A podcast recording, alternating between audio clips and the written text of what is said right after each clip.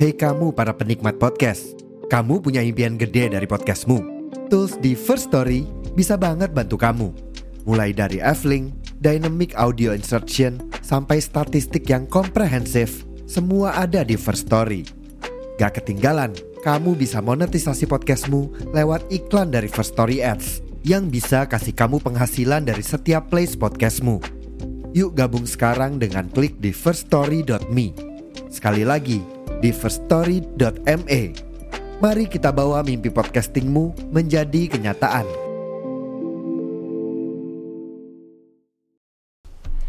Selamat datang di Optis, obrolan para tifosi.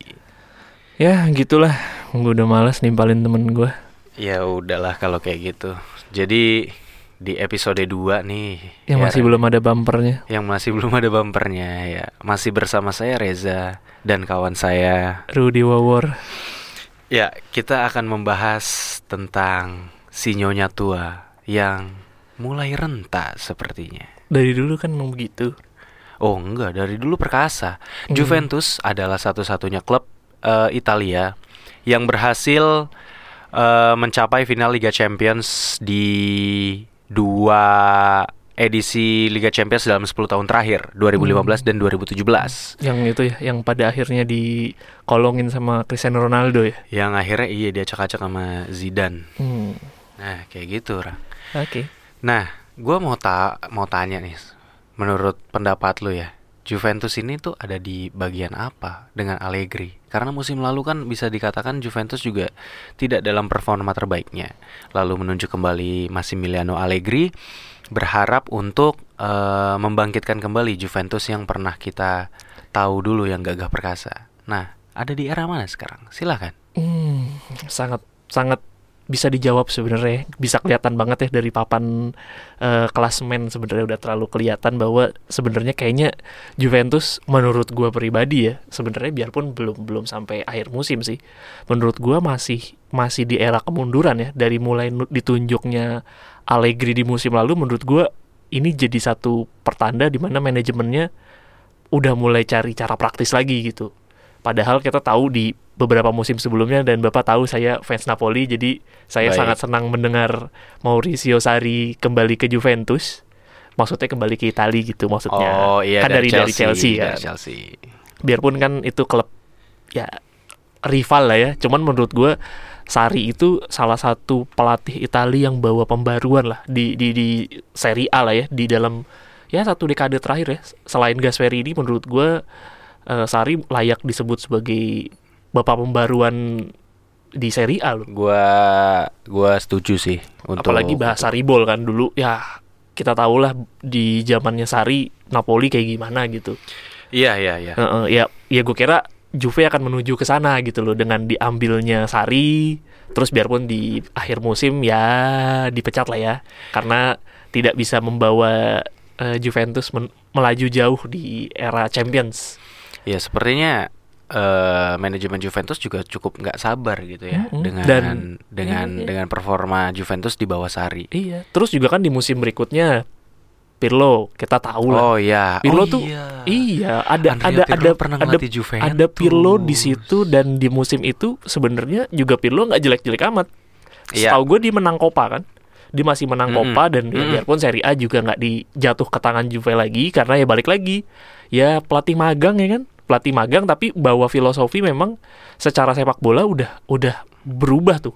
Eh template-nya Juventus yang tadinya sing penting menang jadi Oh, Juventus iya. yang punya punya apa Inisiatif ya? dalam membangun serangan. Iya, iya, pu- mengambil inisiatif lah ya. Iya, membawa pembaruan lah. Sari dan menurut gue Pirlo itu eh, salah dua pelatih yang bawa pembaruan di Juve.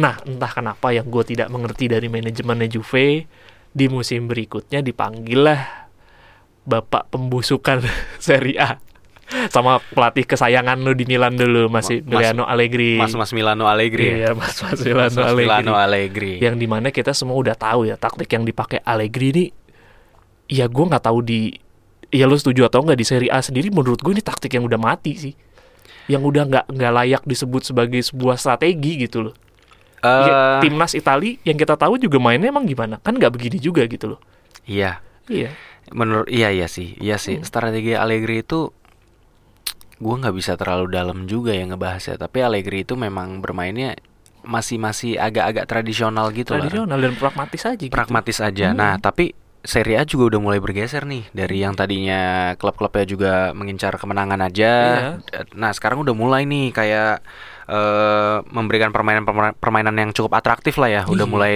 ngebangun serangan dari bawah set Iya. piece Iya. udah mulai apa pressing gitu udah Mm-mm, mulai mm-mm.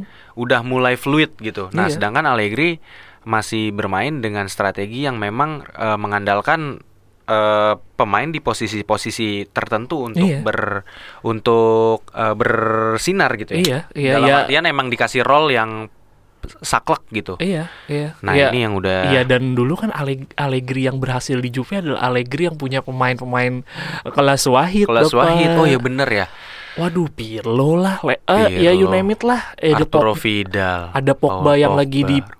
Prime prime-nya dia gitu. Mm-mm. Terus juga di di area sayap juga Ada- bukan pemain-pemain ada Carlos Tevez Iya, di itu. depan juga gacor, di area samping yang di mana Allegri memang salah satu kekuatannya juga mainan di di area sayap juga Iya, iya, iya, gitu. iya, iya. Ya sekarang lo bandingin sama era sekarang gitu, wah udah udah nggak work sama sekali gitu dan ya nggak tahu ya, mungkin kalau kita lihat di klasmen papan atas sekarang Serie A siapa sih eh, tim yang masih main dengan paradigma yang penting menang gitu. Even menurut gua Hmm. Roma, Roma gue masih masih agak kurang setuju kalau kalau Mourinho tuh mainnya bertahan. Enggak juga sih. Ya, ya gak tahu sih ini Ya, ini tapi, ini banyak tapi perdebatan. Mourinho juga tidak mengambil inisiatif men- me- tidak mengambil inisiatif menyerang. Iya. Tapi AS Roma juga eh, yang bener-bener gua tonton kemarin pas lawan Napoli. Iya, yang kita Itu tonton. juga iya yang kita tonton itu juga eh, udah mulai ngegigit lah ya Iya. menurut gua Roma. Walaupun secara eh, Eksekusi pembangunan pembangunan serangannya dibandingkan sama Napoli jauh. Jauh. Ya buk itu kan terbukti bahwa di pertandingan itu Roma tidak melakukan shot on goal sama tidak sekali. iya bener lagi. iya lagi bener lagi. Napoli juga memang kesulitan untuk melakukan shot on goal, tapi eh, tiba-tiba Victor Osimhen bisa Iya, masuk tuh betul, gara-gara betul. kesalahan si Chris Smalling. Iya, ya tapi maksud gua ya akhirnya kita udah bisa ngelihat kan di papan atas Serie A sekarang tim mana sih gitu yang yang yang punya paradigma buat main sing penting menang gitu, main defense aja gitu. Ya, Ya. ya, betul. Yang kita tahu kan 1 sampai 4 ada Atlanta, ada Napoli, ada Milan. Ya ada Roma lah nyelip di situ, tapi Lazio, Inter baru abis itu Juve. Ini Iya, kan semuanya bermain ber- iya, iya. even Udinese yang Main. kemarin sempat sempat un- Gacor ya? iya sempat unbeatable juga dia dia mainnya juga cukup atraktif gitu. Jadi apa Iya yang lagi. Iya apa lagi. yang dipikirkan oleh manajemen Juve dan Allegri aja sih itu itu menurut gue masih jadi tanda tanya besar gitu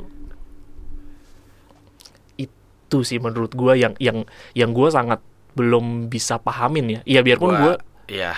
Iya, iya, iya benar-benar. Tapi tapi gue mau nanya Derang. hmm, Eh menurut lu kalau Juventus musim ini sebenarnya apa yang salah? Karena maksud gue gini, Allegri memang bukan pelatih yang membawa pembaruan gitu ya. Waktu Allegri juga ditunjuk eh, menggantikan Antonio Conte, ya Allegri juga sempat eh, meneruskan aja tuh taktik yang Iya. di udah dibangun sama Antonio Conte. Mm, mm, mm. Lalu dia Kopas, mulai kopas. iya dia kopas dulu, abis itu baru mulai main sama 4 back kalau nggak salah. Tapi itu setelah beberapa lama lah gitu, setelah sangat beberapa sangat lama. sangat lama Sangat lama, Mm-mm. betul.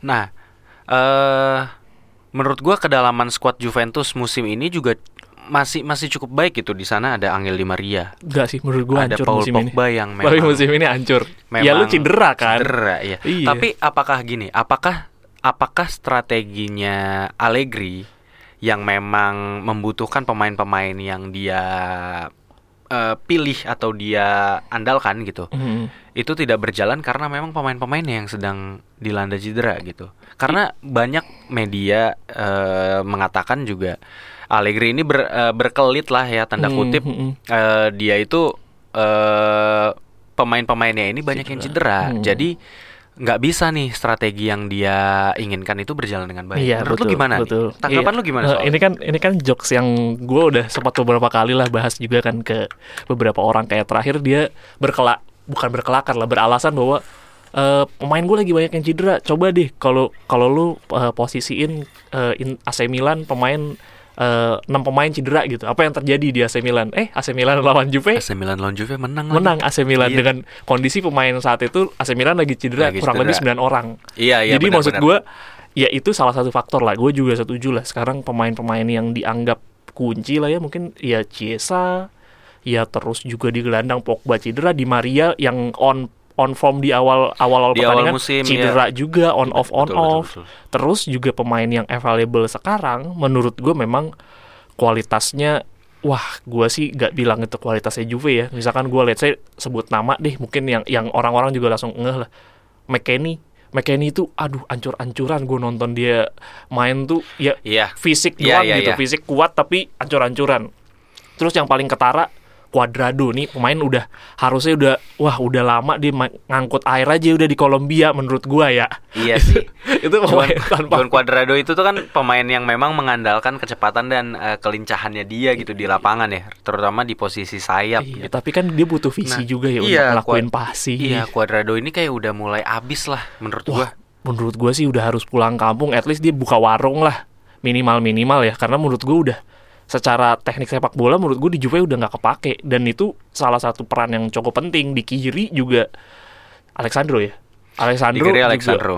hancur juga gitu loh. Jadi gak jalan karena kan Allegri salah satunya selain eh, lini tengah yang dipakai untuk ngelakuin eh, pergerakan ke depan tapi juga sayap kan dibutuhin juga Iya, kan. fullbacknya dia benar-benar Mm-mm. wingback sih. Iya, Allegri itu wingback. mainnya wingback. Nah, tipenya. tapi kan pada akhirnya jadinya ancur banget. Nah, yang sebenarnya sih yang gue lihat di beberapa pertandingan terakhir sih yang cukup menjanjikan justru malah pemain-pemain mudanya. Samuel Iling Junior. Samuel Itu- Eling Junior. Itu, itu benar-benar bisa memberikan gara-gara itu. Mm-mm, mm-mm. Ketika Iya, dia dimainkan tuh. iya, iya, Asli. iya, memang eh, di saat krisis kayak gini tuh memang banyak klub-klub yang pada akhirnya eh, merelakan ya, Leb- lebih lebih tepatnya kayak ya udah deh kita coba aja alternatif pakai pemain muda. Ya itu kan kejadian sama ya MU pada saat ya Waktu Greenwood, Iya, ya Elanga itu kan semua PSG hadir tuh. ketika memang udah nyerah nih nih pemain-pemain senior gue bapuk nih. Apa yang harus gue lakuin ya pasang pemain muda gitu loh sebagai alternatif. Iya, benar, benar, benar. itu memang pilihan terakhir di mana ketika pemain-pemain senior lu udah nggak perform. Sebenarnya kan ada beberapa ada beberapa pemain yang jadi notable kan. Kayak misalkan ya Miretti terus juga Martin Solé terus juga ya ya itu beberapa pemain yang tadi Iling Junior juga salah satu yang yang cukup nampil lah ya akhirnya ya lebih baik dibandingkan pemain seniornya lah jadinya Iya. ya itu sih memang jadi secerca harapan sih tapi menurut gua bukan kelasnya Juve apalagi pertandingan terakhir lawan Lecce wah Aduh. Pak itu lawan peringkat 17 lo maksud gua gua ngelihat wah dan Aduh. dan gimana ya gua ngeliat wah Juve ancur-ancuran tengahnya nggak jalan area sayapnya juga ancur-ancuran Tapi setahu gua menang kan? 1-0 doang ya? Iya. Iya, satu iya, nol benar, satu nol. Satu nol, satu nol. satu nol satu nol tapi ya Iya, tapi kayak masa sih Juventus masa gitu? sih masa sih. Ya sebenci-bencinya gue mau Juventus ya gue tahu Juventus nggak nggak nggak di situ posisinya gitu. Iya, Juventus itu harusnya mendominasi. mendominasi. Harusnya ya memang Juventus dominasi itu- sih. Iya, dom- dominasi tapi tidak ada tidak ada apa namanya clear finishing yang iya, bikin tidak dia ada hasil akhirnya. Iya yang membuat dia mendominasi di papan atas Serie A kembali Iya. gitu. Iya ya. Iya di Champions juga udah goodbye. Yang sekarang lagi berjuang untuk mempertahankan posisinya at least di Eropa League gitu. Iya, oh di iya malam benar. Jumat Iya, gitu. Juve Juve klub tersukses Italia dalam 10 tahun terakhir di Liga Champions sekarang harus berkutat eh mempertahankan eksistensinya di UEL ya. Mm-mm, di Liga Malam Jumat Di Liga least malam Jumat ya. Aduh. bertarung dengan Zionis. Waduh. Waduh, waduh, waduh, waduh, waduh. Waduh. Waduh, waduh, waduh, jangan dong, Iya. Pak. Iya Aduh. maksud, gue Juventus gitu loh. Tim Tapi, tim tim iya. besar ya basis masanya juga kita tahu lah Tiba-tiba fansnya. kalah sama Zionis. Iya kemarin yang gue tonton Tapi kalau gua tonton, nah ini ngomong-ngomong, Pak, ini bridgingnya masuk banget nih gue Hmm. nih. Mem- yang membuat Zionis itu menang Maccabi Haifa lah ya. Iya, Ini kebetulan tim Haifa. ini punya nama ya. Iya. Maccabi Haifa menang itu se- sepertinya ini sih. Mungkin lu setuju sama gua. Hmm. Juventus ini eh, pemain-pemain itu kayak kehilangan eh ini semangat juang, determinasi. Karena gua ngelihat eh, waktu ngelawan Milan ini entah apa yang salah ya. Waktu lawan Milan itu sebenarnya Milan juga mainnya nggak bagus-bagus banget. Hmm, hmm. Milan itu kan sebenarnya tim yang memang mengandalkan counter attack gitu ya. Iya. Ngepres counter, ngepres Iya, counter, dapat iya. bola counter. Nah, ketika Milan ngepres itu sebenarnya banyak kan eh, ruang kosong yang ditinggalin untuk posisi eh, tersebut. Misalnya Theo Hernandez Iya, lagi nekan ke tengah, Mm. overlapping atau Mm. lagi nekan ke tengah. Mm. Tentu posisinya dia itu akan kosong untuk Mm. beberapa saat sebelum Mm. di uh, cover sama uh, misalnya Fikayo Tomori atau Iya. siapa pun yang Iya, bermain di iya. uh, back tengah. Mm-mm. Nah, tapi pemain Juventus ini nggak ada yang bergerak untuk ke sana. Kalau lu lihat, banyak pemain Juventus ini yang mainnya ketika mereka defense gitu ya, Hmm, orangnya. hmm. Itu kayak kayak udah ogah-ogahan aja gitu, kayak males-malesan gitu. Atau kalaupun nyerang ketika lagi transisi atau apa, mereka nggak yang cepat ngisi ruang gitu Ya, loh. ya, ya, itu, itu itu itu menurut gue bingung ya apa yang salah. Apakah Allegri memang menginstruksikan pemainnya untuk rigid aja mainnya di posisi lu aja atau emang ini pemainnya yang kayak ngeblank gitu sama maunya Allegri gitu. bisa jadi menurut gua kemungkinan yang kedua sih ya. Eh, menurut gua eh, ada beberapa sih gue baca di beberapa media juga ada ada beberapa pemain yang ngerasa keberatan sama strateginya Allegri. Mereka agak kebingungan gitu dengan dengan implementasi taktik yang diharapkan sama Allegri karena menurut mereka ini nggak make sense gitu loh. Makanya eh, ya ya gua nggak tuh biasa gue nggak nonton yang pertandingan lawan Milan tapi beberapa pertandingan eh, lainnya gue perhatiin. Salah satunya yang lawan Sampdoria yang pas itu seri gue lupa kayaknya kosong kosong itu Iya, iya, Juventus kelihatan banget memang bingung gitu loh. Ketika dia nguasain bola dia selalu kebingungan untuk ngalirin bola ke depan. Itu Bener. lalu yang kedua gue nggak ngerti kenapa strategi Allegri apa kenapa ada tendangan banyak banget tendangan jarak jauh yang terjadi Ah. dari yang terakhir lawan Lecce kalau lo tahu itu tendangan dari luar kotak penalti Iya, jadi iya, bingung iya, kan iya. Iya, padahal iya, kita gua- tahu gua strikernya banget. juga bukan striker yang ngecek-ngecek juga gitu oh loh iya, ada striker Napoli di Aduh. sana, ex striker Napoli. Enggak, bukan yang itu yang gue omongin yang Aduh, satunya oh, lagi bukan. Dusan Vlahovic. Oh, Kalau yang itu mah Arkadius ah, itu kan itu striker kelas C lah. Oh, enggak. dong. Iya, itu iya. sebagai mesayah Iya. juga di Napoli Iya, untuk beberapa oke musim. lah, Tidak iya, boleh iya, Anda iya, eh, ini diskreditkan Ya, lah. tapi maksud gue gila loh. Ap- Apa yang apa yang membuat strateginya bisa bisa kayak gitu. Jadi lebih lebih lebih masuk akalnya nih kayak 11 pemain masuk ke lapangan bingung mau ngapain. Cuma disuruh main Iya aja deh sih. Mas gitu. jarak antar lini belakang ke ke depan eh gini, belakang, tengah, depan itu Iya. kayak aneh gitu loh. Iya, Lini iya. tengahnya Juventus Nggak ngalir, nggak ngalir. ngalir. Padahal Juventus yang gue tahu tuh ya lini tengahnya harusnya brengsek sih. Iya. Kayak gue nonton Juventus kan sebenarnya nggak niat nonton ya, tapi Iya, emang iya, karena gimana, lawannya terpaksa kan. saya terpaksa kan. Jadi Mm-mm. kayak Pirlo, Vidal di Mm, sana. Pogba Ma- eh, atau Marchisio. Claudio Marchisio. Di Vi- sana tuh emang bener-bener yang tengahnya tuh Iya, kita, kita, lengkap. iya kita tahu lah tengahnya gimana, belakangnya gimana. ada, playmakernya ada, breakernya ada, box to boxnya ada, atau gelandang yang memang kreatifnya ada Iya, gitu di iya. kreatif eh, advance Iya, playmakernya iya, gitu. iya. Dan belakangnya juga eh, dan belakangnya juga memang ah, kokoh gitu Iya, ya. betul, ada trio trio BBC, Iya. Barzagli, Bonucci, eh, Chiellini. Iya. Nah sekarang tapi juga menurut gua eh, lini belakang Juventus ini juga keropos banget sih. Wah, ya. udah udah habis Karena- masanya menurut gua sih. iya, Matis Delit. Gua baru engeh ketika Matis Delit itu cabut sebenarnya. Gue Hmm. pikir Matis Delit itu tuh pemain back-back yang ini loh, kayak biasa aja dan Hmm. emang kadang-kadang juga nggak yang sebersinar itu gitu loh, nggak Hmm, kayak hmm, waktu dia di Ajax hmm, eh, musim yang dia Hmm. sampai semifinal Liga Iya, Champions iya, gitu iya, kan. Iya, iya. Ya, Tapi kita nggak pernah ngelihat iya, performa iya. itu lagi lah se- Iya, selama di benar Juve benar lah. selama di Juve. Tapi ternyata eh, apa ya permainan yang dia berikan itu walaupun nggak eh, signifikan banget, tapi sebenarnya dia sebagai jangkar gitu loh orang. Berasa kan? Berasa banget sebagai safety netnya gitu loh di Juventus. Kayak kayak apa ya pemain-pemain Juventus itu juga kayak nggak tenang Mm-mm. gitu sekarang ketika Mm-mm. mereka mau eh, minta bola Iya. dari belakang atau mau nyerang tuh Hmm. udah kocar-kacir aja duluan gitu. Iya, ya pa- manajemen Aneh Juve sih. kan berpikir bahwa eh, Mat- apa namanya Matis Delit bisa digantikan sama Bremer dan Federico Gatti ya. Aduh. Ya itu itu siapa eh, pula, Pak? itu itu logika yang masuk akal sekali ya keti- ketika kita lihat di permainan kenyataannya bahwa Iya sih. nggak jalan juga. Terus juga Bonucci ternyata memang udah abis ya. Gua, Gua gua ju- setuju. Kita bisa Bonucci lihat udah bahwa habis. Bonucci juga nggak bisa naikin moral pemain juga. Lalu juga secara permainan udah nggak bisa ngejar sama sekali. Iya, iya benar sih. Karena dulu mungkin dia kalau dia underperform, at least ada Cielini sama uh, Delic lah. atau Delit, At- Delic yang, yang yang bisa cover gitu. Sekarang backupannya dia kalau nggak Rugani, ya Bremer. Kalau nggak Federico Gatti, ya Ya, ya, Hamsyong gitu loh. Hamsyong, iya Mereka sih. juga pasti ngerilai juga sama Bonucci pas dia lihat Bonucci juga underperform ya udah. Berarti standarnya ada di situ gitu loh. Iya benar. Gue gue mau nambahin sebagai orang yang masih suka main bola Iya, ini orang asik. Menurut gua penampilan Wojciech Szczesny di bawah mistar gawang Juventus juga nggak terlalu menenangkan pemain-pemain lain. Iya.